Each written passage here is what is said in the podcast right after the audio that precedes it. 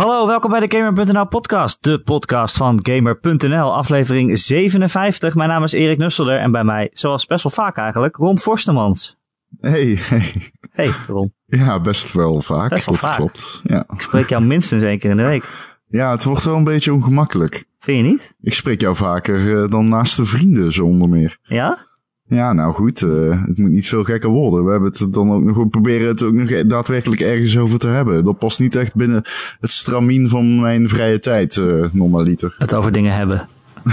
Die daadwerkelijk inhoudelijk moeten zijn. Nee. Misschien nee. helpt het als we jouw vrienden uitnodigen voor de podcast. Ja, ehm, nee. Ik weet niet wat voor format je voor ogen hebt, maar ik geloof dat dat weinig goeds doet. Ah, Eh, we kunnen Rocket League spelen tijdens de podcast, hè?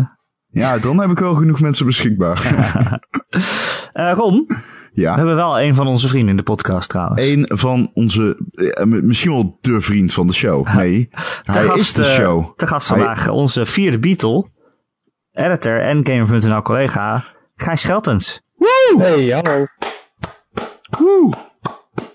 Hij is er weer. Hij Alles is goed, er Gijs? weer. Ja, ja, met jullie? Ja, Ja, heerlijk, prima. heerlijk. Waarom, eh, waarom van waar eigenlijk altijd de vierde Beatle? Is dat ook nog te niet- relateren aan iets? Ik Ah, las ja, ergens de- laatst de vijfde Beatle. De vijfde Beatle. ja, Ja, dat is het toch? Ja, er is dus een, een, eh, een vijfde Beatle die nooit eh, heel veel eer krijgt van in de Beatles zitten, omdat niemand hem kent. Ehm, en ik, dat is een soort van Gijs van onze podcast. Alleen ik kan hem niet de vijfde Beatle noemen, want wij zijn maar met z'n drieën. Ron, ik en Joe. dus hij is de vierde Beatle. Ja. Alleen dat is dan weer niet logisch dat de vierde Beatles ook bekend. Dus eigenlijk, eigenlijk is dit totaal onlogisch. Ja, maar het komt wel uit een goed hart. Ja. I buried Paul. Gijs, dat? Gijs is Ringo Starr. Dat als je een plaat van de Beatles af, volgens mij Helter Skelter, want dat weet ik niet zeker, maar achterstevoren afspeelt, Oh ja, Dan- ja, dat duivelse, ja, dat ken ik wel, ja. dan hoor je I buried Paul. nou moeten jullie thuis eh, alle zinnen die Gijs vanavond zegt. In deze podcast moeten jullie achterstevoren luisteren. En dan kijken wat eruit komt. Een cryptische boodschap eh, doorgeven. I Barry Joe.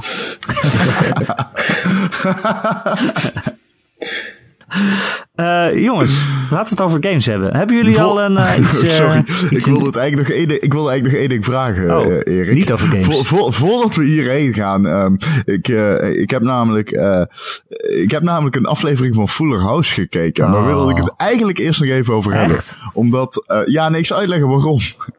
We hebben hier de vorige keer vijf minuten over gepraat in de vorige Niet lang podcast. Niet lang, nou oké, oké. Wat een verschrikkelijke kutserie is dat. Dat is echt onge- ongelooflijk, Erik. Ja, maar ik heb ook nooit gezegd dat het goed was. Nee, maar het is, waarom doe je jezelf dit aan? ik vind het heel leuk. Het is Maar is het nostalgie. echt- maar leunt het voor jou volledig op nostalgie? Bijna, bijna wel. En het is ook wel gewoon een soort van warme deken die je om je heen doet of zo. Oh man, ik die eerste vijf minuten, ik zat te cringe op de bank. Ik kon het bijna niet aan. Dat, dat hij dan... Ja, laat maar. Er, ik, ik, er zit een baby in en die gaat dansen. En, eh, Nou, ja. dat doen baby's. Maar ik zei vorige week ook al, als het een goede serie was geweest, dan was het geen goed vervolg op Full House geweest. Want dat was ook een kutserie. Ja, maar ik vond het pijnlijk om te kijken. Dan Maar kijk je je- lekker niet. Nee, oh, dat is sowieso waarheid. hè. Waar, waar, waar, waar doe ik moeilijk over? Dat is één. Maar ehm, ik ik zit er ook daadwerkelijk naast. Ik heb dus even gekeken op IMDb. En mensen zijn daadwerkelijk positief. Niet laaiend, maar positief. Het is gewoon heel erg nostalgisch. Oké, En er misschien zijn niet zoveel van die kut, kut sitcoms zoals in de jaren 80, 90 meer. Dat bestaat niet, niet meer zo Ja, op die manier. Het is echt verder gegaan waar het toen is opgehouden. Ja, En jij zei dat al, maar ik had niet verwacht dat ze dat echt tot in deze extreme mate zouden doorvoeren. Ja, maar je moet gewoon eh, naar mij luisteren voortaan. Ah, oké. nou goed, laten we het... eh, misschien is het een goed idee als we nu weer toch weer over games gaan hebben. Ja, oké. Eh, ik wou het eigenlijk hebben over de, de, de, de PlayStation VR. Eh, want eh, afgelopen weken is eh, ja, bekendgemaakt eindelijk hoeveel die dan wel niet mag kosten en wanneer die uitkomt. In oktober. En 399 euro. Dan heb je zo'n kek brilletje in huis. Hebben jullie gelijk al de pre-order aangezet? Gijs? Ik heb geen Playstation, dus ik zou het graag doen, maar ik kan niet zoveel met een, met een PSVR op het moment. Nou, een lekker bundeltje met een PlayStation 4 en een, en een brilletje. Ja, hoe duur is een PlayStation 4 nu eigenlijk? Nou, op dit moment 300 kun je hem wel voor 300 euro krijgen. Oké, dus dan heb je voor 700 euro heb je ongeveer een totaal pakket dat VR kan draaien. ja, nou, ervan uitgaand dat er wel een manier is om een, een bundel te kopen. Ja, ik, ik, dat is een beetje de vraag natuurlijk. Wordt die gebundeld met de PlayStation? Ja, Waarschijnlijk wel, maar hoe duur zal dat dan zijn? Maar ja, dat, ja, dat weet je niet. Ja, er komt vast wel zo'n bundel, die is nog niet aangekondigd. Maar dat staat rond de 700 euro zou zijn. Maar dan misschien met camera of zo. Dan, Er eh, zitten ook games erbij al. ja, dan zit je er niet ver naast, denk ik. Maar dat is nog steeds Ja. half zo goedkoop als dat je een, een PC met een Oculus of zo wil kopen. Of met een Vive. Ja. Hij, eh, wat ik wel, eh, ik, ik, ehm, ik zei de vorige keer dat die oktober, november, in ieder geval voor, rond kerst, voor kerst zou Ja, komen. je had het eh, beter ingeschat dan ik. Ja, ik zei het nog. En ik had de prijs ook goed, 400 euro. Ja, ik, ook- ik Alleen, ook. wat ik, wat ik, ehm, maar wat ik wel nog op moet merken eigenlijk, is, ehm, ik, ik, ik vond de previews opvallend enthousiast. De- ik heb eigenlijk bijna geen. Ik heb wel kanttekeningen gelezen, maar die waren niet echt eh, breder te trekken richting VR. Dus ik, eh, wa- wat voor mij. Ik ben nu eigenlijk best wel overtuigd dat PlayStation VR tof wordt. Eh, ook als platform, dus dat het best wel gewoon op, op zich staat naast Oculus en naast de Rift en, en, en, en andere dingen, Gear VR. Ja, dat is dan misschien wel het minst aantrekkelijke voorbeeld. laat ik de Vive noemen. Maar ehm, heb je, ben jij niet ehm, vooral benieuwd nu naar hoe, hoe is het als ik een hele dag lang met dat ding opspeel? Ja, daar ben ik inderdaad wel benieuwd naar of je daar niet misselijk van wordt of zo. Ja, Ik hoorde laatst een interview met een van de makers van, eh hoe heet het nou? Elite eh, Dangerous? Mhm. Nee. Is dat die een die VR komt ook? Ja. Jij bedoelt Elite, eh, s- nee, jij bedoelt niet Nee, Elite. Elite ja, die. Elite Dangerous komt inderdaad VR, maar ehm eh, dingetje wordt meegeleverd. Weet, ik ben even die naam kwijt. Ja, dat is een space Die andere shooter. space shooter. Maar Die die, bedoel je denk ik, of niet? nee, volgens mij bedoel ik wel Elite. 42? Sorry, wat zei ik, Gijs? Bedoel je Squadron 42? Van, Eh eh, Squadron 42? dat is die Nee, shooter. dat is Star Citizen. Nee, ik weet wat ik bedoel, maar ik kom er niet op hoe die heet. Maar dat maakt niet uit. Volgens mij was het namelijk wel Elite. En die zeiden dus van, ja, we zijn al aan het beta testen op de PC met mensen die al een, eh, een vroege Oculus hebben, zeg maar, van die, de- van die vroege versies. En die zagen dus in hun cijfers van eh, mensen die vijf uur achter elkaar speelden. En zij waren daar zelf verbaasd over dat, dat mensen dat vol konden houden, vijf uur achter elkaar. Maar dat blijkt dus dat er inderdaad Maar het gewoon mensen ook een zijn. beetje per persoon, dacht ik. Ja, het, het, het, het- ja, het is Dat denk is ik net zoals... ziekte volgens mij. Ja, Ja, dat, dat klopt. Het heeft te maken met je, hoe heet dat? Een zwaartekrachtsorgaan? Ja. Nee, nu verzin ik echt gewoon een orgaan. Jezus. Nee, maar Nee, nee, dat nee, trek ik geheel in. Het zwaartekrachtsorgaan, Jezus. hypernova. Maar, eh, Hans heeft, of Hans. Hans, hoe kom ik nou weer bij Hans Hans? de Ik ben Gans. echt niet scherp. Eh, Harry heeft het een keer uitgelegd in de podcast. Maar, maar het heeft gewoon te maken met, ja, hoe noem je dat nou? Balansorgaan? Ik kan er even gewoon ja, dat zit in je oor, toch? Ja, het zit in je oor. Dat vloeistof is in je dat- oor. dat- ja, precies, dat vloeistofje in je oor. Maar de ene, de ene is er dus, ehm, eh, net zoals bij autoziekte, is de ene gevoeliger voor dan de andere. Maar dat orgaan be- bepaalt, eh evenwichtsorgaan, damn it, jezus. Dat bepaalt in hoeverre jij daar vatbaar voor bent. Ja. Nou, het is wat Gijs zegt, inderdaad, een soort wagenziekte. De een heeft er meer last van dan de ander, denk ik. En de een Nou, kan wel een, kan, kan maar een uur in de, in de auto zitten terwijl hij een boek leest. En de ander kan dat vijf gewoon vijf achter elkaar zonder dat je ergens last van hebt. Ja, nee, die parallel is zeker te trekken, want het heeft op precies dezelfde eh, manier, zeg maar, eh, is het van toepassing op je evenwichtsorgaan. Ja, alleen is het dan virtueel. I guess. ja. Maar wat nou Ja. als je virtueel in de virtuele wereld in een auto rijdt terwijl je een boek leest? Is het dan dubbel zo Eh. erg? Jeetje, gast. Nee, ja, weet ik veel. Als je een virtueel boek hebt. Ja, Maar eh, even over die prijs dan. Eh, 399 euro, vier, ja, 400 euro zeg. Dat hadden we ongeveer al een beetje voorspeld. Ehm, Mhm. Het is wel een stuk goedkoper dan de concurrentie, hè? Daar slaan Ja. ze wel een goede slag mee, volgens mij. Ja, Ja, ik denk maar- echt dat, dat PlayStation, dat vind ik wel super vet. Dat het, eh, want die andere Oculus en, en de HTC Vive, eh, dat, die zijn gewoon, ja, die zijn, wat je zegt, zijn gewoon een stuk duurder. Ehm, en misschien ook wel beter, maar het Ja. punt is dat, dat, ik denk dat Sony echt een beetje de voortrekker wordt van, ehm, van de VR voor de, voor de massa, zeg maar. Om om het zo maar zo even te noemen. Ja, maar ja, Ja. het, het- ik heb ook het, niet het idee, en dat zeggen ze zelf volgens mij ook, dat ik heb niet het idee dat ze met elkaar concurreren. Ik denk niet dat Nee. de persoon die een super goede PC heeft en geïnteresseerd is in de Oculus, dat dat dezelfde is als die een PSVR zou willen kopen en andersom.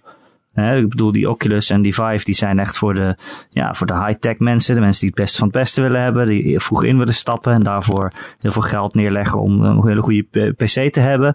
Terwijl die PSVR, die is duidelijk voor, mm, ja, hè, nou ja, het consolevolk, zal ik het zo maar noemen. Mensen die graag willen, die graag iets willen, willen inpluggen en dat het dan werkt. Die hebben geen zin om te, om te sleutelen aan onderdelen en videokaarten en, uh, ja. Ik ben heel erg benieuwd of ik hem iedere keer dat ik hem opnieuw opzet en eigenlijk loskoppel van mijn PlayStation, of ik hem dan opnieuw moet kalibreren. Maar wat bedoel je met kalibreren? Nou, je moet natuurlijk je, de afstand van je ogen tot de bril, volgens mij moet je dat wel een beetje, zeg maar, uh, scherp stellen, lijkt me. Maar dat is dan één, één, één knopje waar je even aan draait dat hij weer vast ja, dat weet ik. Dat, ik, ik, ik moet oprecht, dat, ik, dat weet ik dus niet. Dat durf ik echt niet te zeggen. Ik heb daar, de, in die kant heb ik me dus niet verdiept. Um, daar ben ik benieuwd naar. Het zou kunnen dat het niet eens van toepassing is. Hé, hey, trouwens, ik weet hoe die heet. Eve Valkyrie. Ja, die, dat was hem. Dat is hem, ja. En die wordt gratis meegeleverd. Niet met de PlayStation VR natuurlijk, maar met de Oculus Rift. Ja, precies. Uh, ja, 400 euro, dan heb, je nog, dan heb je al in die bril. Hè. Dan moet wel, je moet een camera hebben. Die, die is mhm. verplicht, anders werkt die niet. Nee. Uh, die, die oude, uh, die, die, ja, die, die, met die vier cameraatjes erin en ja, de PlayStation 4 camera is dat gewoon. Dat ja, is, dat is de standaard PlayStation 4 camera. Die, ja. hebben ze, die kwam uit toen de PlayStation 4 uitkwam. En toen bleek eigenlijk dat je er helemaal geen reet aan had op zo'n moment. Helemaal niets. Je kon alleen, uh, daar kan je gezicht herkennen, zodat hij je vanzelf inlogt als je op de bank gaat zitten. Ja, ja. En, Toen kwam zo met de nieuwe iToy. het is een iToy, zo ziet hij er ook echt gewoon uit eigenlijk. En de Playroom kon je ermee spelen. Oh ja, en je kon hem gebruiken tijdens Twitch streams om je eigen okay. gezichten. Ja, precies. Dat is op zich nog wel ja, geinig of zo. Ja, als je daar uh, van houdt is dat inderdaad best wel handig. Um, maar ja, nu heb je hem dus wel echt ergens voor nodig. Dus die moet je nog bijkopen. Die kost 60 euro. En uh, Move Controllers uh, wordt wel aangeraden. Um, de games die getoond werden op het preview-evenement, waar dus ook de ook, Oculus Rift, de, de PlayStation VR uit de doeken werd gedaan, of voor, eigenlijk voor het eerst groot getoond werd, waar ook de prijs onthuld werd. Um, de, daar waren heel veel games die je ook met een controller kon spelen. Nou, zoals ik het goed heb begrepen, alle games die daar getoond werden, kon je ook met de controller spelen. Ja. Dus uh, zoals ik het nu een beetje, zeg maar, alle interessante titels die ik heb gezien waren met de controller speelbaar. Maar als je zoiets hebt als, uh, als de heist, uh, hè, waarbij je een laadje open kan doen en daar een pistool uit kan pakken om op andere mensen te schieten, dan is dat natuurlijk vetter met move controllers dan met een gewone controller. Lijkt ja, mij. Ik ben, ja, nee, dat is, uh, dat is natuurlijk nog maar de vraag, vind ik. Want Um, uh, Cabin in the Woods, nee, die game die erop lijkt, Until Dawn, ja. die is ooit aangekondigd als een move game. En ik weet nog dat ik die presentatie zag. Dat was destijds voor de PlayStation 3. En dat ik toen dacht, wow, dit is eigenlijk best wel... Dit hier heeft het best wel waarde. Um, dus koppel dat even naar VR. En dan kan ik me helemaal voorstellen dat zo'n uh, zo'n zo'n move controller uh, toegevoegde waarde heeft. Maar ja. Tegelijkertijd is het ook maar weer gewoon een ding met knopjes natuurlijk. Dan kom ik precies, dan kom je daar weer. En dan denk ik, ja, Ga, ga ik, ga ik, wil ik de tijd nemen om zo voor mijn tv te zitten? En dan kom ik toch weer heel snel uit bij nee. Nee, en je bent ook gewend om met de controller te spelen. Dus ik denk niet dat dat heel erg immersiebrekend is of zo, als je, als je het daarmee moet doen. Weet je wat ik laatst... Vaak, uh, oh, sorry. Nee, vertel jij even, Gijs. Ik ging ergens anders over beginnen. Het is ook vaak veel makkelijker om, om gewoon een, je stick iets te verplaatsen van je controller... in plaats van een ingewikkelde beweging met je hand te maken of zo.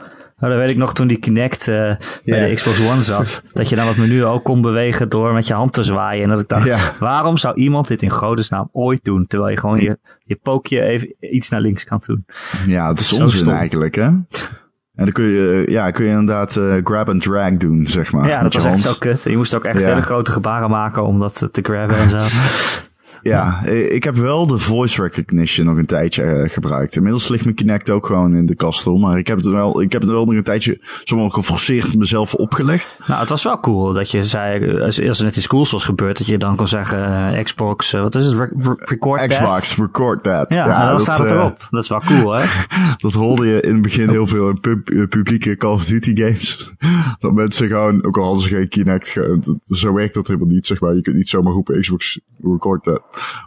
Maar je moet... er- Maar ja, mensen riepen dat de hele tijd als ze een toffe kill hadden. Ja. Xbox, record that. Als een soort van dis, weet je. Kon je dan ook de, de consoles van de andere mensen uit als je heel hard... eh, Ja, ja. Nou, sterker nog, er was een reclame van Microsoft Oh, met ja. Aaron Paul. Eh, Aaron Paul die eh, Jesse Pinkman speelt in Breaking Mhm. Bad onder meer. En van The Speed, bekend is de film. En die, Bekend. ehm, eh, ja, bekend is, I guess. Hij, mogelijk ken je hem daarvan. In ieder geval, hij eh, had, zat in een reclame van Microsoft. Waarin hij riep Xbox on. En hij zette echt daadwerkelijk Xboxen in de huiskamers aan. als die reclame opkwam. Maar bij mij thuis toen had ik eh, niet eens door. Ik had toen ook mijn Kinect aangesloten. Ik had het niet door en ik zag dat nieuwsbericht op Game.nl staan. En ik kijk dat filmpje en verrek, het gebeurde gewoon ook bij mij. Dat vond ik wel grappig. Ja, lachen.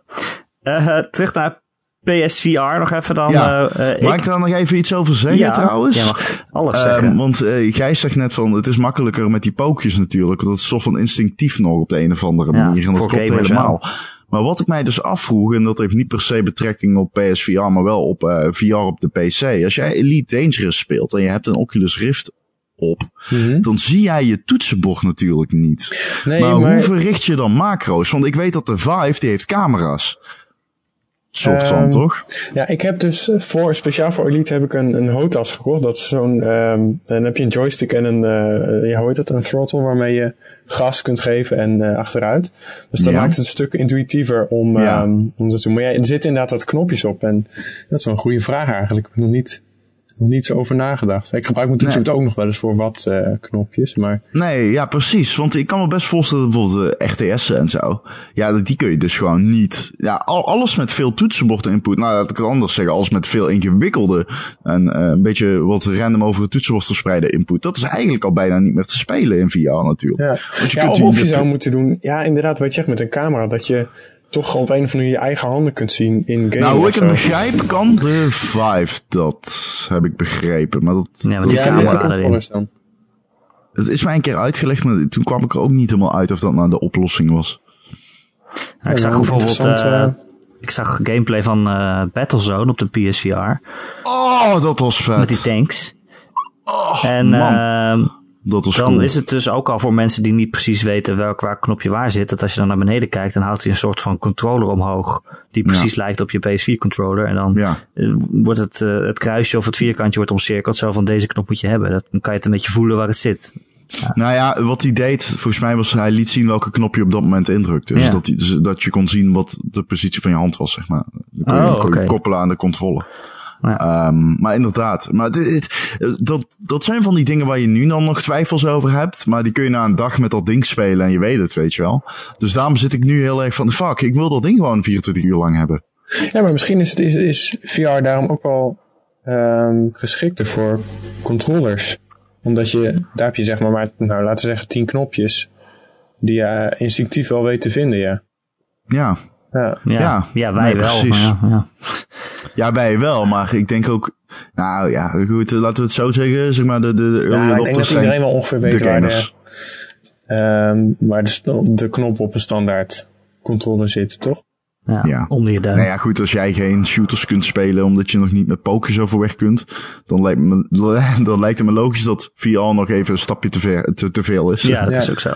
Ja, maar je, je geeft natuurlijk ook Elite Dangerous als voorbeeld. Dat is natuurlijk een redelijk hardcore eh, space sim. Maar als je een shooter speelt, kijk, ik weet eh, Shift en zo en WASD, dat kan ik gewoon op de Ja. vinden. Dus in die zin zou een shooter ook nog wel moeten lukken. Ja, maar bijvoorbeeld eh, op de 5 drukken om te switchen naar je smoke grenade, Ja, Counter-Strike. misschien op de Of 4 eerst op de 1, 2, 6 3, of 4, F4 of zo. Ja. Ja. dan wordt het toch wel een beetje moeilijk. ja, nee, dat is zo, ja. Eh, Sony heeft ook eh bekendgemaakt dat er echt tientallen mensen aan games werken voor de PSVR. Volgens mij zelfs 200 of zo was het, geloof ik. Ehm, en, een- en een lijstje met games die eraan zitten te komen. Eh, hebben jullie er nou iets tussen staan waarvan je denkt, oh, dat is wel echt heel vet? Want ik zat te zoeken, ik heb nog niet echt de, killer app of zo gevonden. Het zijn wel allemaal ervaringen die me wel leuk lijken. Zoals, zoals Rakes hebben we het wel eens over gehad. Hè? Die soort van Rocket League met, met in, in mechs. Met schieten. Ehm, maar en Battlezone lijkt me wel tof. Met een beetje in tanks rijden en, en op elkaar schieten. Eh, en Eve natuurlijk waar we het over hadden. Maar het zijn allemaal niet echt dat je zegt van... Oh, dat is echt... eh, dat is echt de ervaring of zo. ik vond Battlezone, wat jij net aanhaalde, ik vond dat wel, ehm, ik zag dat en ik, het eerste wat ik dacht is, oké, aan zich is dit niet tof. Het is ook niet mooi. Het is best wel blokkerig. Het is heel blokkerig. Het is ook maar oké okay, met de jaren 80 Erik. natuurlijk. Het origineel. Ja, maar, maar dit zag er geweldig uit. Dit, dit toch? ja, ik weet, de gameplay zag er geweldig uit, ja, zeker. Ah, toen, die, toen die zwerm kwam, met, ehm oké, ik zal het even uitleggen. Je bent een tank en in het begin de eerste van die demo, die demo duurt iets van zeven minuten volgens mij. Misschien nog minder, vier trouwens. En uh, wat je ziet is dat er een tank, die wordt, je wordt in de tank geladen. En vervolgens word je door een bedrijfsloods verplaatst of zo. En dan word je op de battlezone gezet. Maar dat uh, door het... Um, uh, door, door die loods geladen, ge, geloodst worden. ja, het was een onbewuste woord. Wat een loodzware zin dit. Oh, nee, nee, dit gaan we niet doen. Kut Erik, je brengt me helemaal van de wap af. Oh, sorry. Nee, maar dan... lood geslagen. Oh, oh, ja, luisteraar, dit is waar wij dus mee moeten kopen, iedere dag weer. um, maar dan, dan die, die, overal komen van die kranen, van die mechanische kranen langs, zoals je die ook ziet in de standaard fabriekshal en zo. Net zoals een auto die in elkaar gezet wordt, zeg maar. En je kunt je misschien voorstellen, oké, okay, nou, in een standaard game is dat niet heel erg, heel, ik bedoel, niet speciaals. Maar in VR wordt dat natuurlijk insane intens. Als je om je heen kijkt, zie je, je, staat gewoon midden in een gigantische ruimte. Waar vanuit het niet zoveel gigantische objecten langskomen suizen. Ja. Het gevoel en, van schaal wordt heel belangrijk, ja. Dat je ineens ja, in zo'n nee, grote dat, fabriek precies. staat. Ja, ja man. En stel je voor, stel je gewoon voor dat je die shit dadelijk gewoon, dat, dat, dat een game zich daarop heeft toegespitst. Ik, weet je, als je nou een, een, een, een soort van attractiepark gaat. Nee, laten we gewoon de Efteling noemen. Dan heb je, hoe heet dat? Droom? Nee, niet droomvlucht, een pandadroom. en uh, soortgelijke dingen heb je in bijna ieder attractiepark. Dat is een heel erg immersive bioscope experience, zeg maar. Nou. Uh, nou, je hebt een 3D-brilletje op, toch? Een 3D-brilletje op. Maar de, uh, het charme daarvan is natuurlijk dat je het gevoel krijgt dat je in die wereld zit. Maar dat is dan hoe je het aan mensen uitlegt die niet weten hoe dat is. Maar VR is daar echt het extreme, extreme, extreme van. Dus het wordt heel moeilijk, denk ik, om aan mensen uit te leggen waarom VR nou zo tof is. En dan zie ik zo'n Battlezone demo en dan denk ik, ja, dit is onmogelijk uit te leggen aan waarom dit tof is in VR ja, en iemand die nog nooit zien, VR heeft gedaan. Als je het laat zien, dan is het gewoon weer een spelletje waarop, waarbij tanks op elkaar schieten. Ik, ik hoor van zoveel mensen nu die VR net voor de eerste keer hebben geprobeerd. Ik las vandaag toevallig bij iemand op Twitter die uh, ook weer zei van nou het is het meest intense dat ik in de afgelopen vijf jaar heb meegemaakt op, op mediagebied. Gewoon de grootste, de meest uh, imponerende vooruitgang waarmee je te maken mee hebt gehad in dat tijdbestek. En ik kan me er heel erg mee identificeren. Ik vind het echt, ik vond het absurd. Ik, ik kwam echt uh, na mijn Oculus Rift demo, zo van ontdaan, kwam ik die kamer uit. Omdat ik echt het gevoel had dat ik iets had meegemaakt waarvan ik op dat moment vrij zeker was dat dat de toekomst zou gaan worden. Ja. Ik ben wel heel erg benieuwd of het echt een succes wordt. Aan de ene kant denk ik van oké, okay, het is wel echt heel vet en het is voor de massa, het is redelijk betaalbaar, die PSVR in ieder geval. Nou, het is wel duur hoor. Ja, het is wel duur, maar het is ook Het is alweer... toch wel duur man. Stel als die wat je 250 euro was geweest, dan, Dat kan dan gewoon je... niet. Nee, dat kan niet Erik, dat weet ik. Maar ik denk dat hij na, twee jaar wordt hij daar natuurlijk naar afgeprijsd. Ja, ja. Maar, het is ook nog niet echt een system seller, denk ik. Want je hebt, Nee, je dat zegt, zeg ik, Erik, ja. eh, die, die games die er nu aankomen, ik denk dat er heel veel eh, nog redelijk een beetje als een tech-demo aanvoelen. Ja. Ehm, en ik denk dat echt grotere titels, dat we die later pas kunnen verwachten. Dus misschien duurt het ook nog wel even voordat het op gang komt. Nee, nee, dat is waar. Ja. Denk je dat jij er een gaat kopen, Erik? Ik heb hem al gepreorderd. Oh, dat zei je, Ja. hè? Oh ja, dat klopt. Wie had hem nou nog niet gepreorderd? Iemand. Of was dat Joe? Nou, misschien ben ik in de war, sorry. Heb jij hem, Dan haal, wat ik, ga jij hem kopen dan, Ron? dan, dan haal ik even nu twee dingen in de war. Nee, dat klopt. Jij zei in het begin dat je hem gepreorderd had. Ehm, ik ga hem waarschijnlijk wel kopen, maar ik heb hem nog niet gepreorderd. In de war. Ja, ik, een beetje in de war. Ja, snap ik. Sorry. Ja. Ja. Trouwens, over in de wacht gesproken. Heb je gezien hoeveel draden er bij dat ding zitten? Jezus. Ja, Man, man, man. Daar werd ik wel een beetje er een extra van kastje hoor. bij. En dan, dan moet er nog een draad naar je bril. En dan moet er een draad Eentje van het naar de kastje camera. eentje naar de camera, ja, ja, ja. Ja, man. Daar werd ik wel een beetje droevig van toen ik dat zag. Maar als je dat ding opzet, dan zie je die kabels niet meer. Dus dat maakt niet uit. Ja, maar dat is ook juist het probleem. Dat je, ga je erover struikelen als je gaat Oh ja. Ja, je kunt niet even gaan plassen met die camera op. Eh, kan wel, maar dan moet je dus uit je hoofd weten waar het pot zit. Dan in een flesje Nou. Ik denk dat je dan... Ik weet niet hoe lang die kabel is, maar... eh, Maar eh, ja, ik ben dus wel benieuwd of het een succes wordt. Ook omdat het, het is natuurlijk een accessoire bij een console, hè, bij de PlayStation 4. Je moet het erbij kopen. Eh, eigenlijk, ik kan maar niet iets bedenken, een accessory, die nou echt een heel erg groot succes is geweest. Ik weet niet of jullie dat kunnen bedenken. De Kinect, Kinect Bedoel- is wel iets. De eerste Kinect die heel veel miljoenen keren verkocht is. ehm, Maar bedoel- bedoel je van de consoleverkoper ja, zelf? dus zeg maar een, een hardware toevoeging aan een console die echt heel erg succesvol is geweest. Ja. Dus zeg een dansmat of een Samba de Amigo, eh sambaballen. Of de, de Donkey Kong eh, trommels. Nou ja, of, eh, Guitar Hero. ja, Guitar Hero, ja. ja. Die dan Ja, ik die denk dat het heel erg afhangt van, inderdaad, van de, van de spellen. Want ehm, de Wii heeft het bijvoorbeeld gehad. Die kreeg op een gegeven moment die Motion Plus controller. ja. Eh, en die had je dan weer nodig voor de die tweede Wii Sports. Wii Sports Mhm. Resort.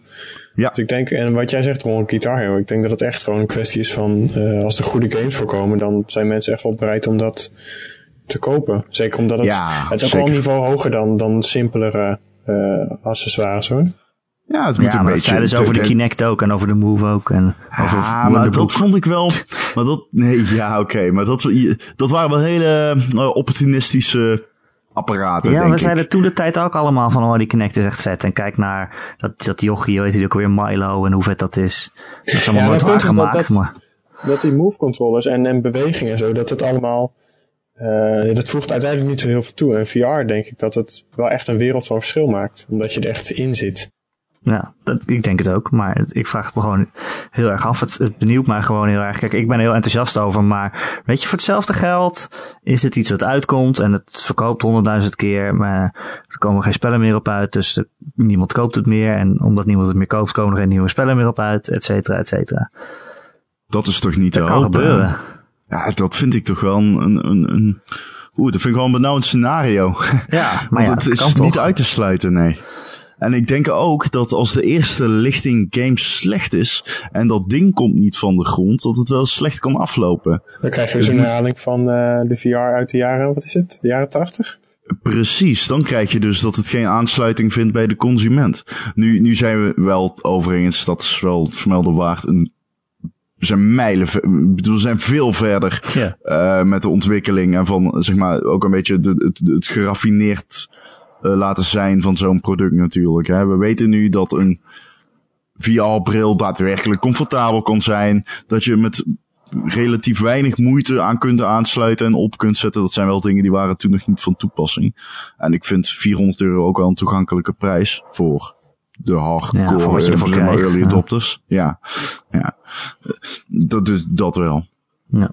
Dat is wel een verschilletje. Maar denk je dat de software alles gaat bepalen? De, de, games? Ja, Ja? als er alleen maar games op uitkomen die zeventjes krijgen, dan ga je toch denken, ik wacht nog even tot die echt vette game komt. En, en als die er maar niet komt, dan, ja, dan blijf je wachten.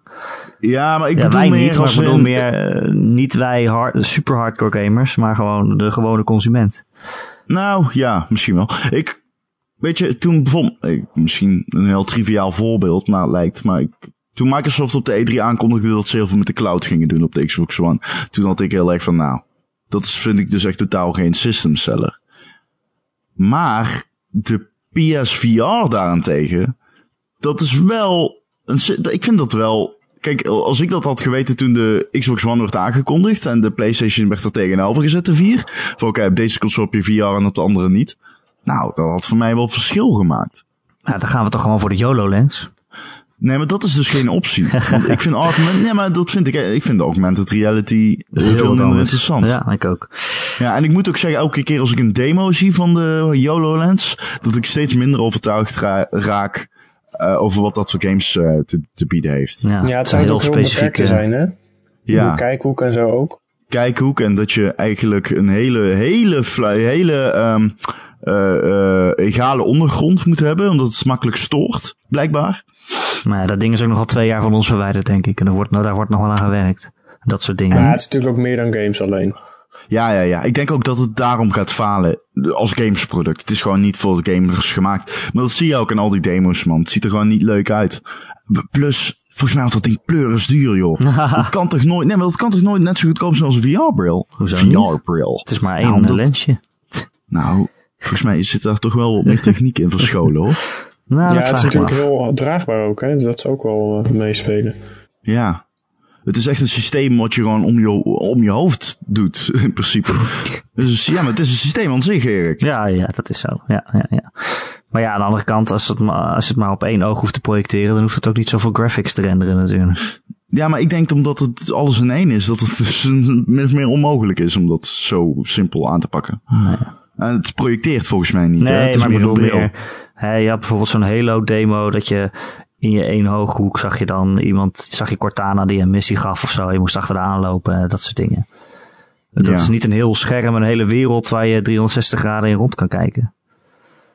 Dat is toch wat anders dan om te renderen, lijkt mij. Maar misschien heb ik het mis. ik ben een leek op dat gebied.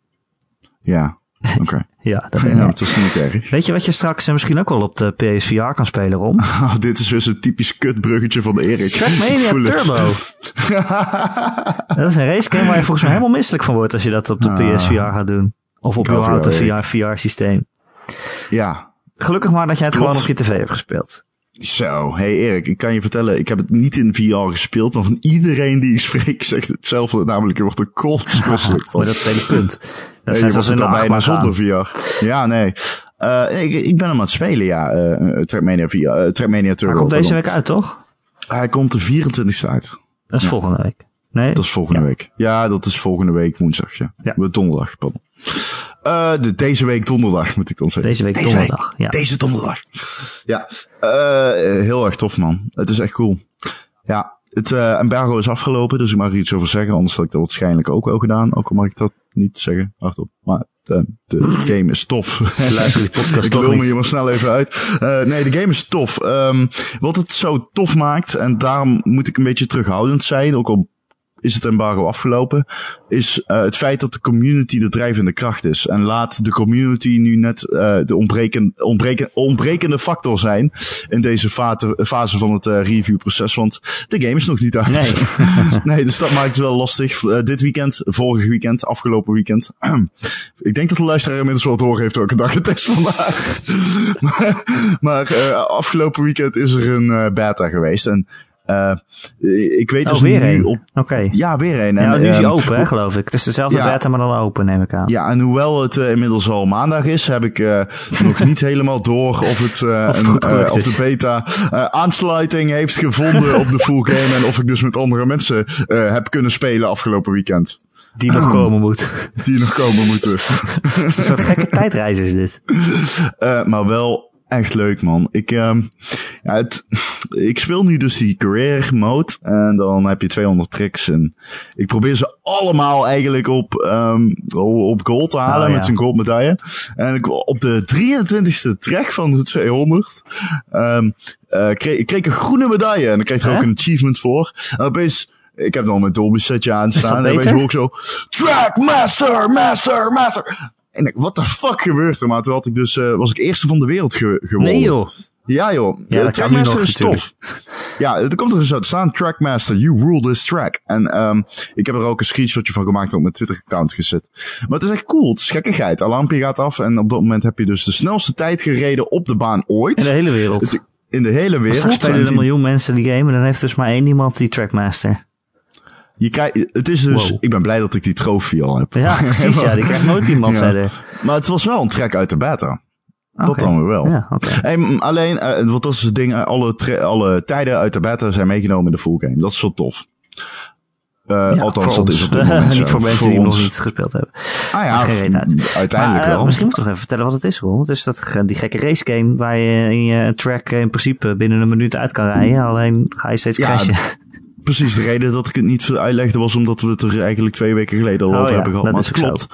Eh Trackmania is inderdaad een soort van rollercoaster waarin je zelf op rijdt of zo. Ja, hoe moet ik het zeggen? Eh, Zoals ik het al zei, je hebt een track editor. Dus de meeste toffe banen zijn gemaakt door de community. Maar het idee is dat je hem zowel aan zwaartekracht kunt tonen als aan...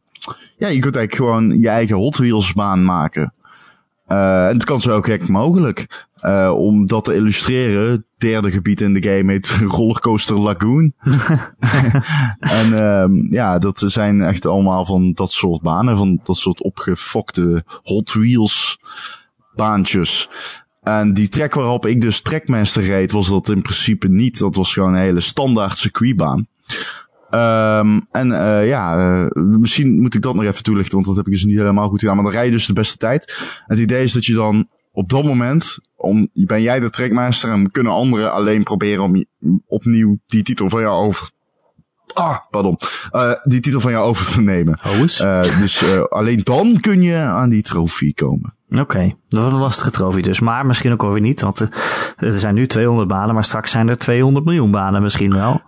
Uh, ik weet dus ook niet of dat voor de tracks geldt die custom zijn. Oh, nou, vast denk ik wel. Dat nou, denk ik vast wel. te zeker. Ja, maar dat lijkt me. um, ja, want de, de, de, het Trackmania bestaat al langer en het is op de PC uh, best wel een begrip. En, Langer, ja man. Dat bestaat al sinds 2002, 3 of zo. Ja, Als je het echt hebt over de aller, allereerste Trackmania. maar ik begreep van mensen die dat veel spelen, die zeggen echt, nou, ik heb er twee jaar gespeeld. Ik heb nog nooit, eh, nog nooit twee keer dezelfde track gespeeld. Omdat er gewoon zoveel gemaakt wordt door de community. Zoveel Nou. banen gemaakt wordt dat je altijd wat anders te racen hebt eigenlijk. Ja, nou goed, ik heb het ook heel, heel lang gespeeld en veel ook. En uh, ik uh, kan, kan, ik bedoel, zo overdreven is het nou ook niet. Het ligt eraan Nee, welke server je joint. Ja, ja. Uh, maar als jij steeds andere servers joint, ja, absoluut. Dan kan het verkeren dat jij nooit dezelfde track speelt. Nou, het bizarre aan Trackmania Nations was natuurlijk ook, de game werd zo immens veel gespeeld, dat er gewoon een community... Er was, per land was er een community. En dan had je een community per provincie in Nederland. Kun je nagaan. Ja. En uh, die, die game stimuleert dat ook. Hè? Dat uh, zegt al vanaf begin af aan met Trackmania stimuleert hij wel Noord-Brabant versus Utrecht bijvoorbeeld. En, uh, maar maar er, er zijn ook op fora en zo communities omheen. En dat vind ik cool. Dat je gewoon, dat die game zo groot is dat je hem eigenlijk zonder voor verdeling te zorgen, zo in ieder geval zonder dat, zeg maar, er is wel verdeeldheid, zoals ik al zeg, het is heel gesegmenteerd, maar dat dat geen effect heeft op uh, de speelbaarheid, omdat het gewoon zo immens is. Jij zei aan het begin van het jaar dat dit, dit de game was waar je het meeste naar uitkeek, dit jaar. Ja, is klopt, dat, ja. ben je, is het, is het beter of slechter dan The Witness? uh, nee, het is, uh, The Witness heeft mij positief verrast. The Witness is zo'n game die, die komt me één keer in een paar jaar tegen denk ik. En um, Trackmania is dat misschien wel niet, maar Trackmania heeft wel een... Ik bedoel, je hoeft niet uit te leggen wat het charme van Trackmania is. Ik heb eigenlijk te vragen, ben je, ben je tevreden ermee? Nee, ja, ik ben tevreden. Ja, ja, ja zeker. zeker. Oké. Okay. Um, ik vond het wel leuk in die beta uh, dat je dus met z'n allen tegelijk op één track zit. Met z'n, met z'n vijftigen tegelijk of zo. En dan, je hebt vijf minuten om de snelste tijd neer te zetten. En uh, zo'n track is maar 30 seconden, dan ben je al aan het eind. Maar uh, ja, je kan dus steeds weer opnieuw beginnen. Zolang je nog 30 seconden de tijd hebt, heb je nog de tijd om nog weer een nieuw recordje neer te zetten. Dat is wel grappig. Ja, je kunt altijd op dat uh, rondje drukken en dan ja. sta je weer uh, op de, de, de, de startlijn. Ja. Uh, ja, je speelt dus met veel mensen tegelijk. Zo. Zou het dan niet leuk zijn, Ron? ja. En Gijs? Als, je niet, als jij op de PS4 zit en je kan spelen tegen je vriendje op de Xbox One. wow, wat een gaan we uitzending. richting, uh, gaan we richting cross-platform play? Cross-platform play, daar wou ik het nog met jullie over hebben. Wat toevallig, Ron, dat jij erover begint. Ah. Uh, Microsoft die, die zei afgelopen week van, uh, nou, uh, wij staan er wel voor open dat, hè, dat we over het platform heen kunnen spelen. En de eerste game die dat gaat doen is Rocket League. En dan kan je dus... Is dat zo? Dat is niet zeker, toch? Nee? Nee, ik, volgens mij niet. Iedereen gaat er alleen van uit omdat de PlayStation samenwerkt met de PC. Oh. PC en de Xbox uh, on zich staat en niet kunt samenwerken met, de, met de PC. Nou, volgens mij is. Nee, nee, nee. nee. Microsoft heeft wel. Ik heb, hier, uh, ik heb hier erbij staan. Microsoft heeft het wel gezegd, ja, dat Rocket League uh, een van de eerste spellen is die, uh, die cross-platform multiplayer krijgt. Ah, oké. Okay. Nou, dat duidelijk. Zo. Ja, joh. Ja, ik las het op Tweakers anders, maar maakt niet uit. Um, maar goed, hoe dan ook. Dat zou een goed voorbeeld zijn anders. Maar uh, dat je dus uh, met je vrienden op de Xbox One tegen je vrienden op de PlayStation 4 kan spelen. En uh, Sony heeft inmiddels ook gereageerd te zeggen, nou, we staan altijd open om met andere partijen te kijken naar cross-platform play. is, er, is er een reden waarom dit niet goed voor ons zou zijn? Voor, voor, voor de gewone klanten? Het, het is alleen maar positief eigenlijk, toch? Nee, niet echt hè. Als ze dat echt zouden doen. Het is wel consumentvriendelijk. Maar, Ja. maar, maar waarom bestaat het dan eigenlijk nog niet? Ja, dat vroeg ik ook af. Ja, waarom, waarom nu ineens die aankondiging? Ehm, het is wel raar natuurlijk, hè? Het is wel echt een hele weerde. Het, het, het- nou, ik vind de situatie een beetje. soort van. Heel, er zit een heel onverklaarbaar iets aan. Ik vind het zo raar bijvoorbeeld dat Sony de hele zegt de other platforms. Nee, ja. Microsoft ook, Eh, ja. en Microsoft zegt Ja, precies hetzelfde, weet je wel. Eh, ze Alsof zeggen ze allebei nadrukkelijk. Ja, precies. Ze zeggen allebei nadrukkelijk niet de naam van de concurrent. dat is op de een of andere manier heel ongemakkelijk, vind ik. Maar ehm, ja, dat is. Eh, maar, mm, mag ik zeggen wanneer het voor mij geslaagd is dan? Om Ja. Van jouw vraag af te wijken.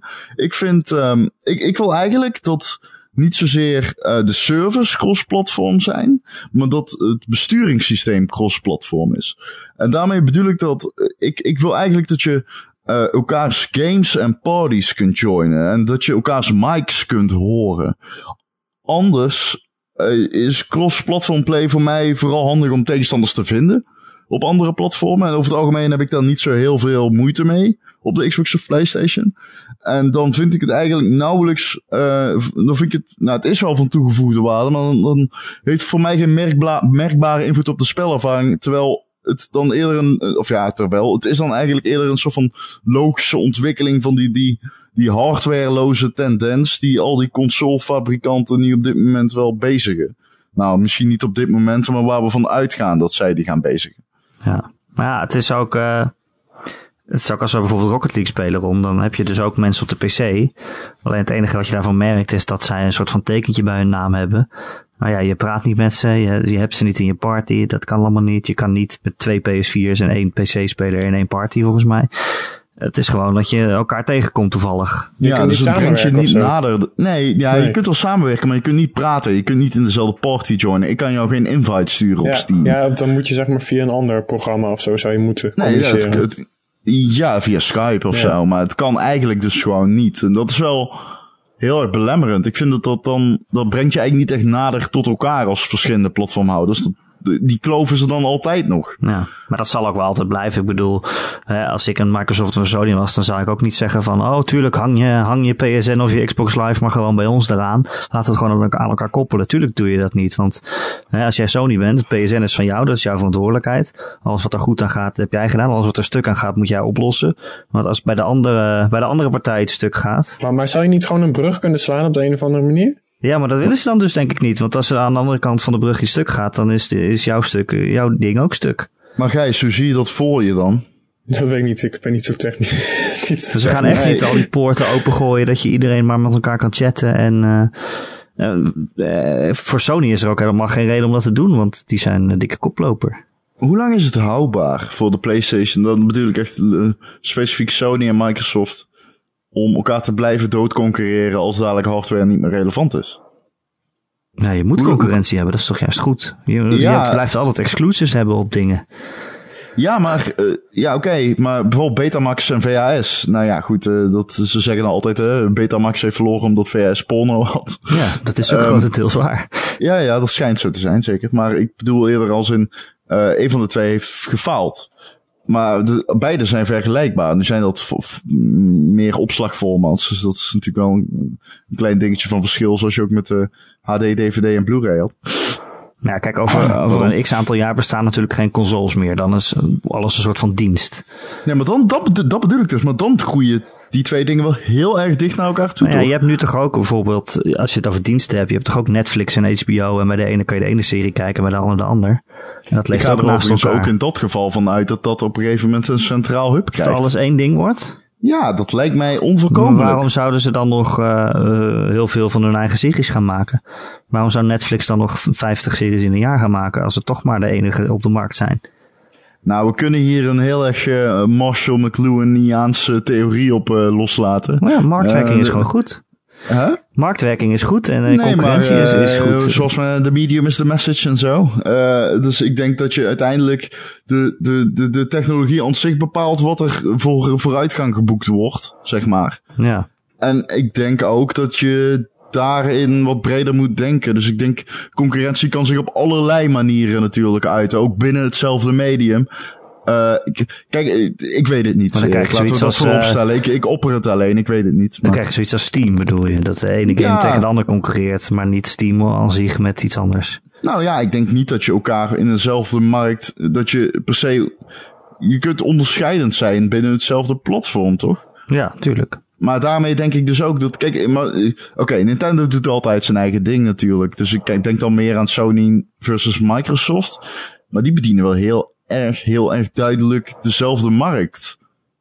Vind ik. Ja, nou, ze, ze, ze zitten ook tegen elkaar te concurreren. Maar die markt, de markt ik- is groot genoeg, dus dat, ja, is ook ja blijkbaar. Maar ik vraag me dus af als het dadelijk dat als je dat kastje wegneemt en de PlayStation en Xbox Store is een app op jouw tv of op jouw mediacenter die je standaard in je huis hebt of zo, weet ik veel.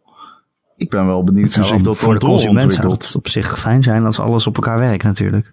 Ja, maar het is eigenlijk, als je logisch redeneert, is het een onvoorkomelijke ontwikkeling. Nou, ik denk dat de concurrentie, dat er altijd meerdere, meer dan één bedrijf bestaat die een bepaald ding wil doen. Ja, maar ik denk dat binnen de grenzen van een medium ruimte is voor meerdere bedrijven die elkaar concurreren.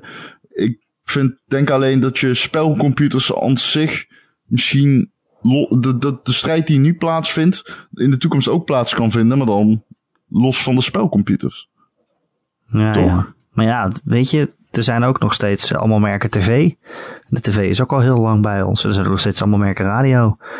En dat is verschillende, zo. uitgevers van boeken. En eh, Ja joh, ik redeneer ook maar hardop, want Ja. ik, ik, ik durf het ook echt niet te zeggen denk toch dat er Ik- altijd concurrentie ik- is. Ik kan beide, beide kanten, zeg maar, zowel wel concurrentie als geen concurrentie zijn, te verdedigen. Dus Ja. dat, eh, Want dat, dat op, zeker. op het moment dat er geen concurrentie is en er is één bedrijf die heeft een monopolie, dan komt er altijd wel iemand anders die denkt, ja, maar wacht eens even, dit kan ik veel beter. Ja, maar ik, ik, ik, ik vind dus niet dat je, als je, wat ik al zei, ik vind niet dat dat concurrentie uitsluit of zo. Nou ja, goed. Dus ik, we gaan het zien. We gaan het zien. Dat is nog zover in de toekomst. ja. Hey, hey, en een ander puntje, ehm, waar ik wel benieuwd naar ben, is dat wat je nu vaak hebt, is dat je zegt van, oh, mijn vrienden hebben een PlayStation of mijn vrienden hebben een Xbox, dus ik koop er ook eentje. Eh, maar zeg maar hypothetisch gezien, als elk spel cross-platform multiplayer heeft, denk ik dat het ook een beetje wegvalt. Ja, als je met altijd alle spellen met elkaar kan spelen, waar je vrienden ook zitten, dan is dat inderdaad een argument dat er niet meer toe doet. En dat hoor je ook wel vaak. Mensen die nu een PlayStation 4 kopen, die zeggen, ja, koop hem, want iedereen heeft een PlayStation 4. Al mijn, al mijn vrienden hebben die. Ja. Je zou leest het ook op forums, mensen die zeggen, ik wil eigenlijk een Xbox, maar ja, daar ben ik in mijn eentje, daar heb ik geen zin in. Dat is eh, de roots van veel fanboys eh, natuurlijk. Maar, zou dit ook nog invloed kunnen hebben op de, op de, op de zeg maar, marktverhouding, denk je, tussen ehm, PlayStation Ja. en Xbox? Het heeft Het polariseert natuurlijk wel, hè, op de een of andere manier. Hoe, de, je me, ik, ik, tenminste, in- als ik, eh, ik, ik- altijd als ik naar de eh, Game Mania ga bij mij in Tilburg, dan vraag ik hoeveel van deze heb je verkocht van de Xbox en hoeveel heb je verkocht van de PlayStation. Altijd. Oh ja. En soms is dat echt 1 op 20. Ja. Maar in Nederland is het ook echt van- extreem, hè, het verschil. Het is Ja. veel groter dan in de rest van de wereld.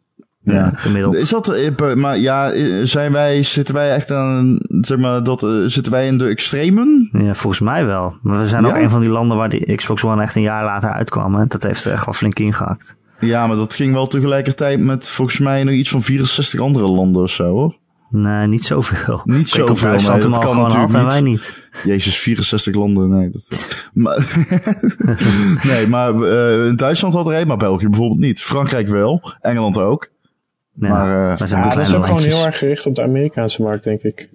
Ja, Ja, en van dus wel key- de keymarkten in eh, Europa. Overigens had ik hem wel One, want ik ben naar, naar, eh, naar Duitsland gereden. Oh ja, dat klopt ja. Daar had je Samen nog een met artikel eh, van. We hebben gewoon een hele, dat een, eh, op twee sites, zowel op Inside Gamer als Gamer, hebben we de hele dag door geliveblogd. Dat was echt een avontuur, jongen. Maar Isha was toen mee, Elita. Dat was grappig. Ah, dat was echt fantastisch, jongen. Dat was echt superleuk. Hij was wel Ja. overal bijna uitverkocht, toch? Nu moest het echt wel een paar winkels af. Wij moesten dus naar Paderborn rijden.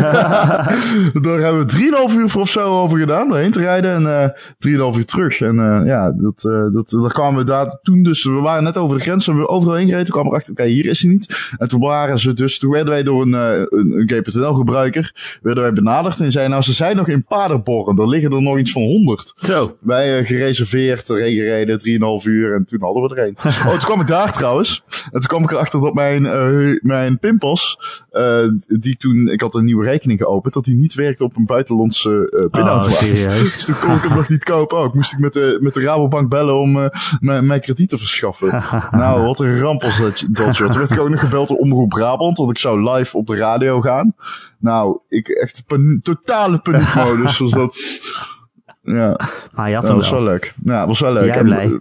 Uiteindelijk hebben we er wel 15 uur over gedaan voordat we thuis waren. Met aangehouden door politie, alles. Maar het was wel uh, leuk. Ja, inmiddels is hij veel beter afgestemd op Nederlanders ook, toch? Maar volgens mij is Kinect nog steeds niet in het Nederlands. Het is zouden heel toen gaan pijnlijk. updaten en dat Ik is nooit gebeurd.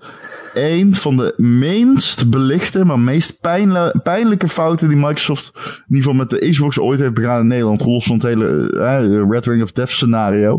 Maar gewoon communiceren dat Kinect werkt. Hem meeleveren, maar vervolgens geen Nederlandse ondersteuning leveren. Wil je Kinect wel gebruiken, dan moet je hem op de Engelse settings zetten. Zet je hem op de Engelse settings, dan kun je niks kopen met je Nederlandse creditcard in de Xbox Store. Nou, dat is toch schandalig of Dat niet dan? echt- Inmiddels is dat opgelost, maar aan de, die eerste vier maanden was dat dus, toen ik hem had, was dat gewoon niet mogelijk. En toen hij gelaunched werd, heb ik met Microsoft gebeld. En toen vroeg ik aan ze, hoe zit het nou precies? En toen zei die, toen zei die eh, PR-dame van Microsoft, en dit is geen grap, die zei tegen mij, Xbox One, wanneer komt die uit dan? Ik zeg morgen, lieve schat. Hij komt morgen. Maar Microsoft is in Nederland zo'n groot bedrijf. Maar die Xbox-divisie is zo klein. Dat dat bedrijf gewoon geen weet heeft van wat er speelt. Dat terwijl de 360 toch heel succesvol was in Nederland, volgens mij. Dat klopt. Die was bijna even succesvol als de PlayStation 3. Ja. Ja. Nou, Maar die divisie, die marketingdivisie is relatief klein.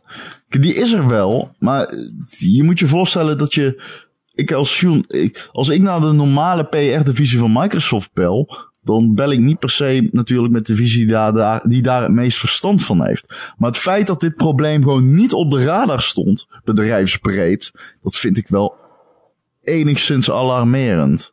Trouwens, over PR van Microsoft gesproken, Ron. Had je gezien dat ze weer in een of ander seks-schandaal zitten verwikkeld? Ja, ehm, de- Feminist-schandaal. Ja. Ja. Ze hadden volgens mij een soort van launchparty ergens van. En toen hadden ze... Nee, ja, op de GD, de Games Developer Conference Oh ja, was een feestje. Je vergeet het weer. Ehm er was een feestje van Microsoft en ehm, daarop hadden ze een podium waarop vrouwen ge- verkleed als schoolmeisjes aan het dansen waren, heel schaars gekleed.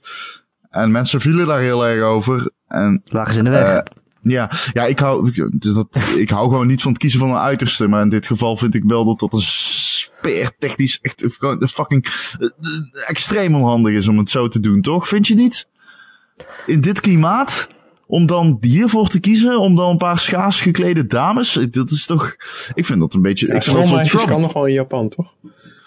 ja, dat zegt ja, men. het was niet in Japan alleen. Ja, ja ik had dus eh, getweet naar aanleiding daarvan. Want, je- oké, eh, even- daarop inhaken. De Chinese Room, de ontwikkelaar van Dear Esther, maar ook eh, eh, Everybody's Gone to the Rapture. Die game waarin je loopt met de snelheid van een zandkorrel. Niet het einde spoilen, dat is een beetje gemeen namelijk. Oh nee, dat, oh, ik vond wel trouwens terechte kritiek op de vorige podcast dat ik altijd alles spoil. Want ik doe dat inderdaad. Ja, dat dat is gewoon mijn waren wat mensen die... die tomeloze ja, enthousiasme waarin ik dan opga. ja, een paar reacties gehad over dat je het einde van Everybody's Gone to the Rapture vorige week had. Oh, ja, we hebben het einde van. Gear- Gears of War, heb ik voorspeld.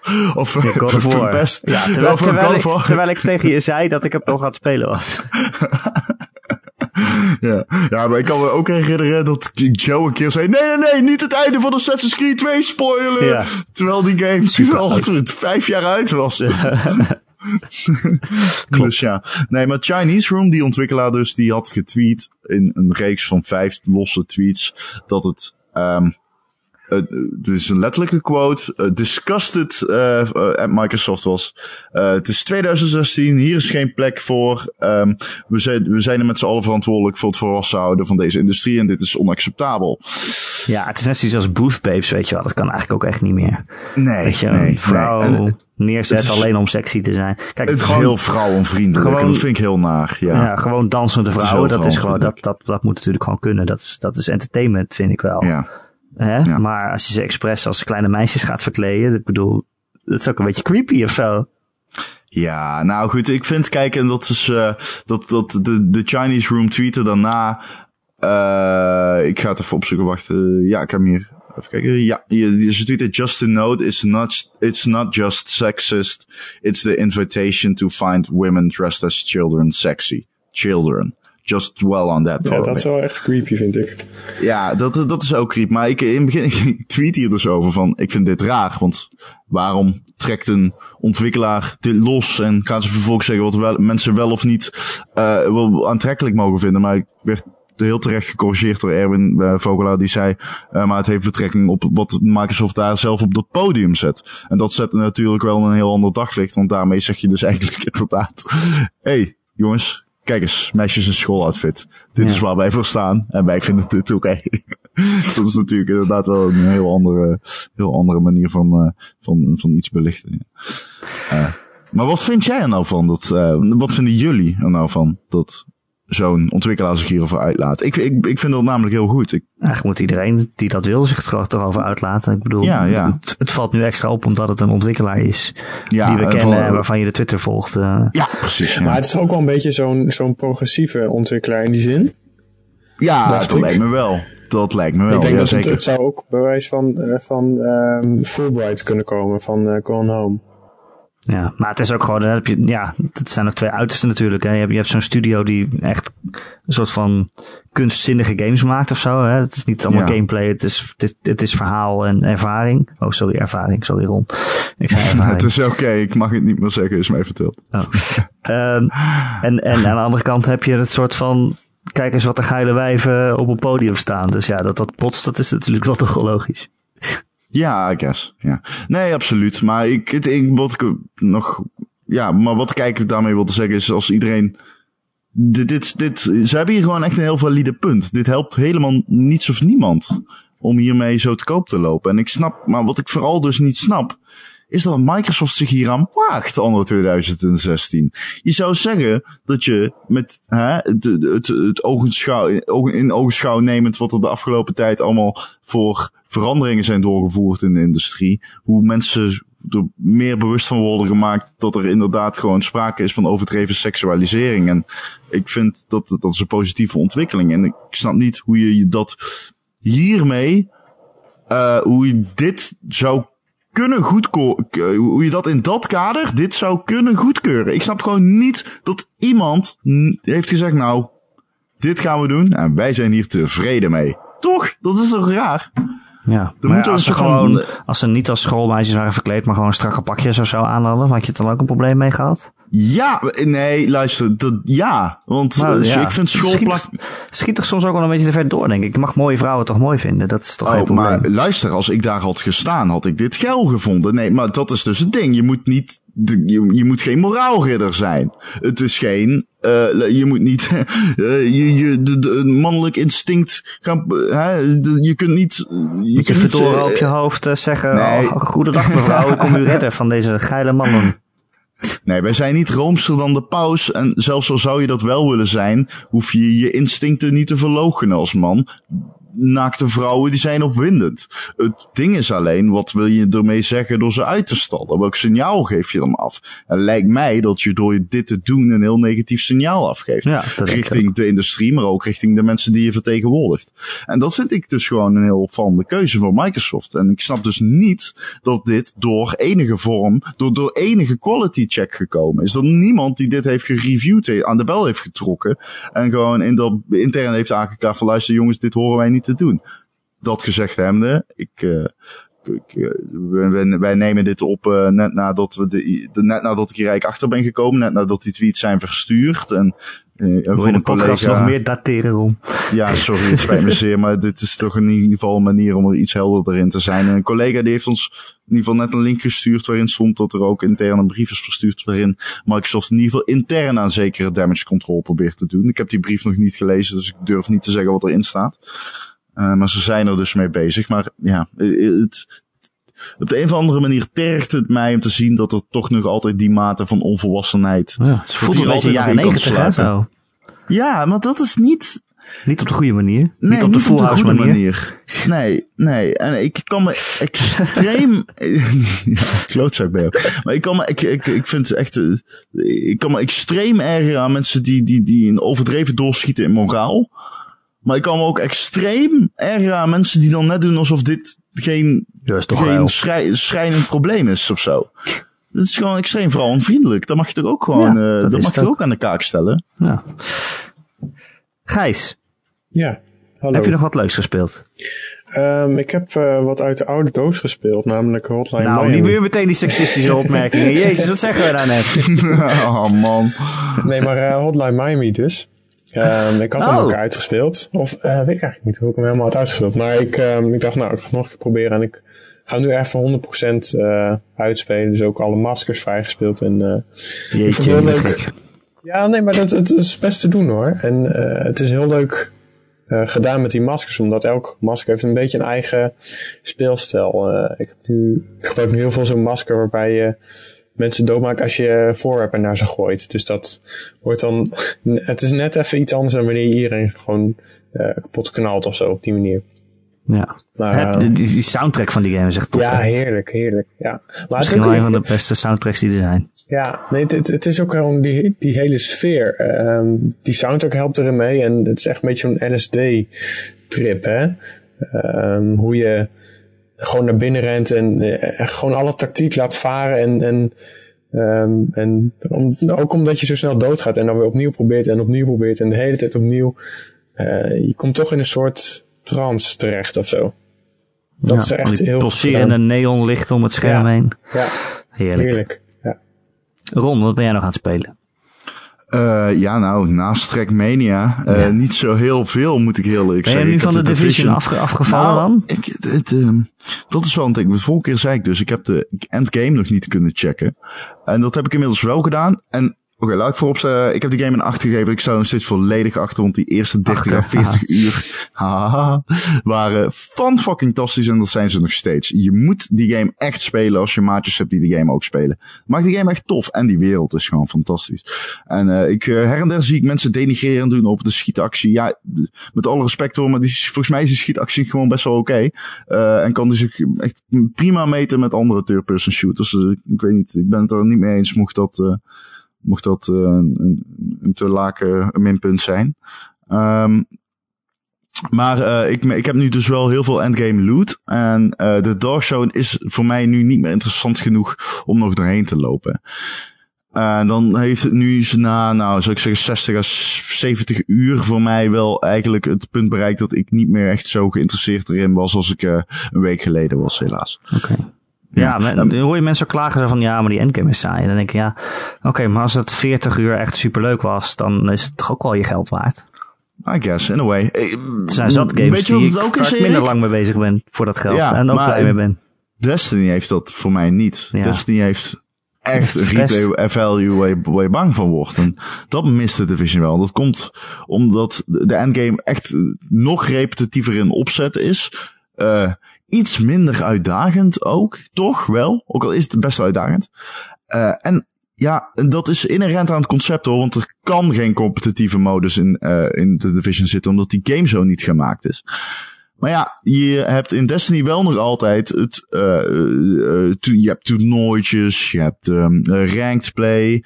Zeg maar, er zijn heel veel manieren om het tegen andere mensen op te nemen, waarin loot toch een doorslaggevende factor kan zijn.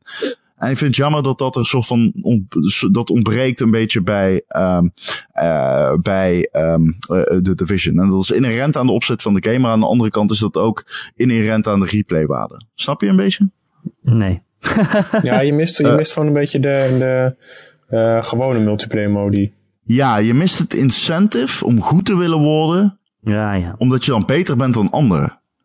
Je, er is geen scenario in de Division waar, waarin jij heel erg geholpen bent met het feit dat jij betere loot hebt dan andere mensen.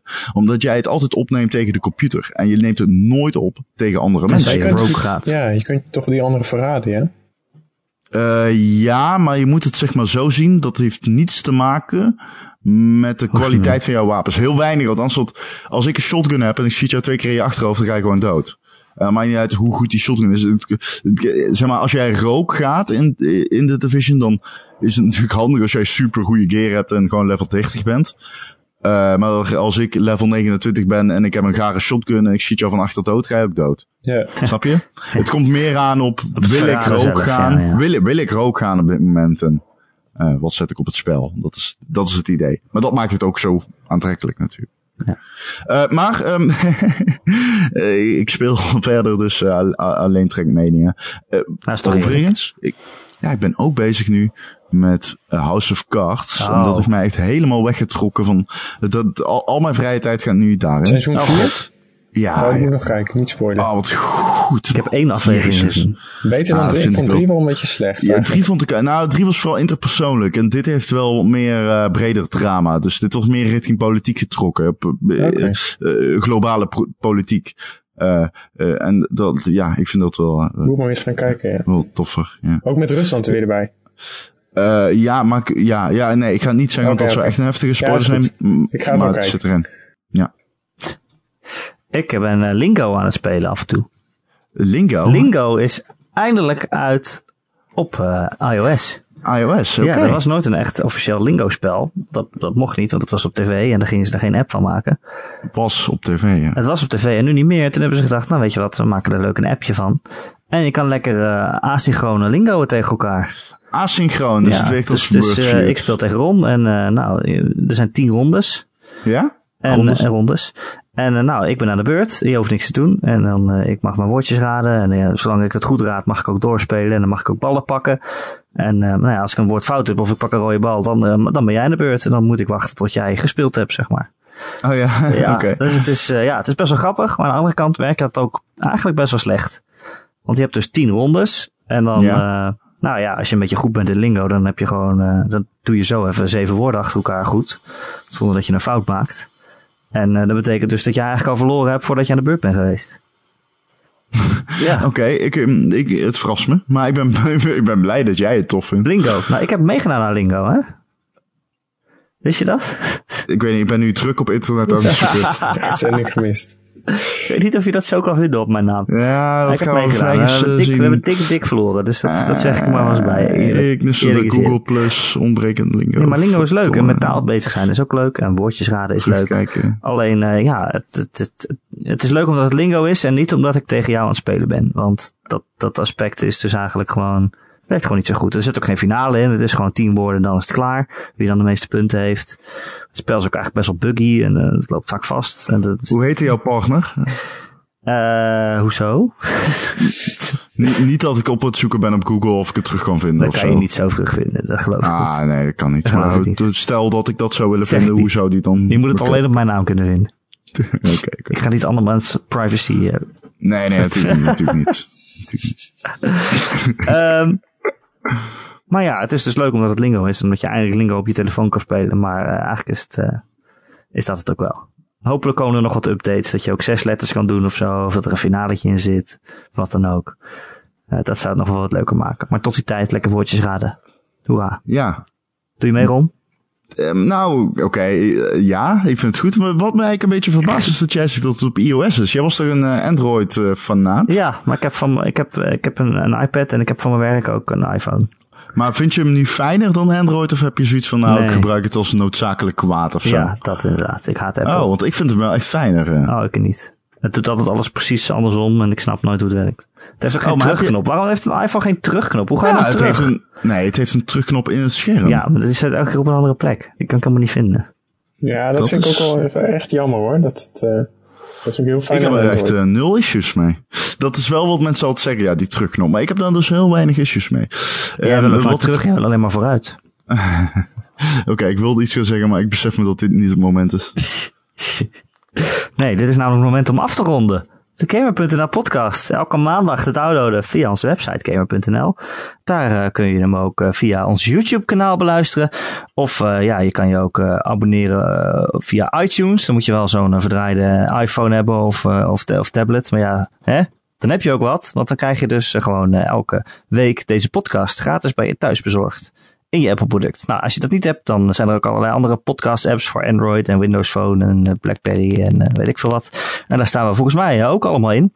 Heb je een vraag of een opmerking voor de podcast, dan kun je die mailen naar erik.gamer.nl, erik met een k, gamer.nl of je laat er gewoon achter eh, in de reacties onder het bericht waar je deze podcast hebt gevonden op onze website. Hartstikke leuk. Toch? Ja, nee, niet dan. Gijs. Ja, jawel. Gijs, leuk dat je er was. Ja, leuk, ja, leuk om er weer te zijn. Ja.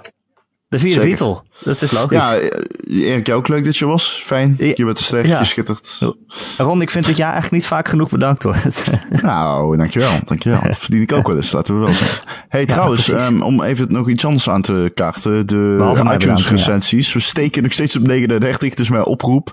Um, en mijn weggeefactie hebben echt zero uh, nut gehad. Oh Nul ja, jij ging een game weggeven. Nul request. Ik heb nog steeds gewoon uh, die game hier liggen. En, maar niemand heeft een Xbox One.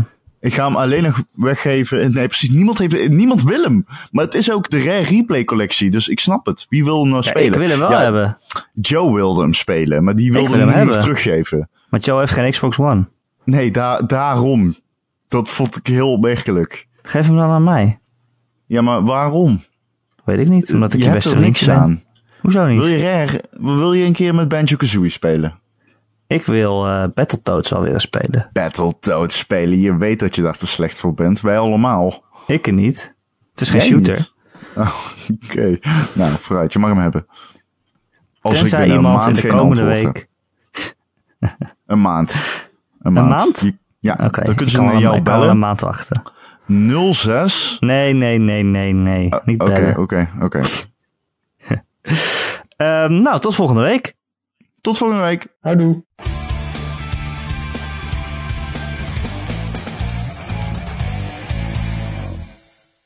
Als dit uh, toevallig uh, terechtkomt in de post-credits, dan wil ik uh, deze gelegenheid, van deze gelegenheid gebruik maken om een Michel Musters uit te nodigen voor de podcast. kent hem misschien wel, hij is hoofdredacteur van Game.nl. En de podcast bestaat nu 57 afleveringen. En waar is Michel? Waar is hij? Ik, Michel, waar is als je dit Hallo? hoort, Michel, als je dit hoort, jij bent de man. Als je nou heel stil zijn, dan kan je Michel misschien wel horen schreeuwen. We moeten allemaal heel hard gaan roepen, net als bij Jan Klaassen. Misschien het moeten we... van een sizzling worstenbroodje en een ijskoude vlugel na. Ik ga gewoon een bakje Red Bull voor mijn microfoon zetten. Doe vannacht een Red Bull in je, in je schoen en zet hem voor de open haard.